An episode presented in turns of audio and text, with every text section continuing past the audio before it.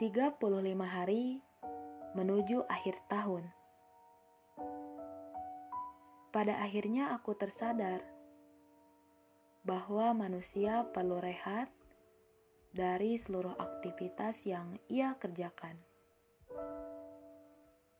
Entah rehat untuk mengerjakan hobi, berkumpul bersama keluarga atau teman, atau hanya sekadar diam di kamar seharian dengan posisi rebahan.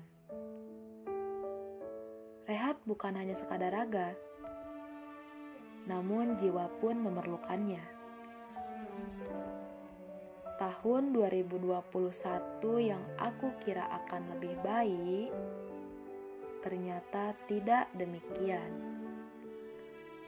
Benturan demi benturan terus berdatangan, kicauan serta cacian yang menghampiri untuk menggagalkan perjalanan.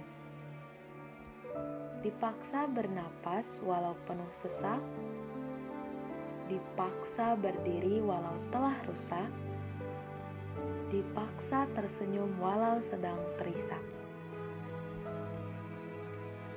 Menguatkan diri sendiri di saat sedang rapuh memang sangat menyakitkan, bukan? Ya, tapi harus bagaimana lagi? Akan melarikan diri ke mana lagi? Akan bersandar pada manusia mana lagi? Sudah cukup dengan adanya pengkhianatan. Perjalanan yang cukup panjang menuju akhir tahun telah kau lewati. Hei, kamu hebat Bahkan lebih dari itu, kamu sudah sangat kuat untuk berada hingga saat ini. Coba aku tebak. Pagi hari hingga sore hari, pasti kamu merasa tidak apa-apa, bukan? Bahkan begitu ramai dan merasa semua akan baik-baik saja.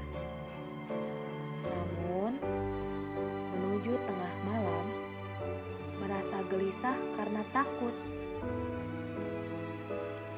Seperti kutipan dari lagu In Kitab yang berjudul Takut.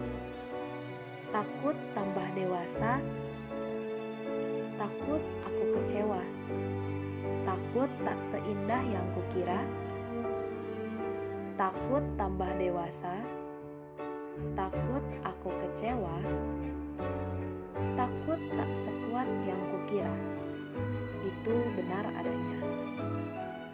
Ketakutan demi ketakutan terus menghantui pada setiap remaja yang menuju dewasa.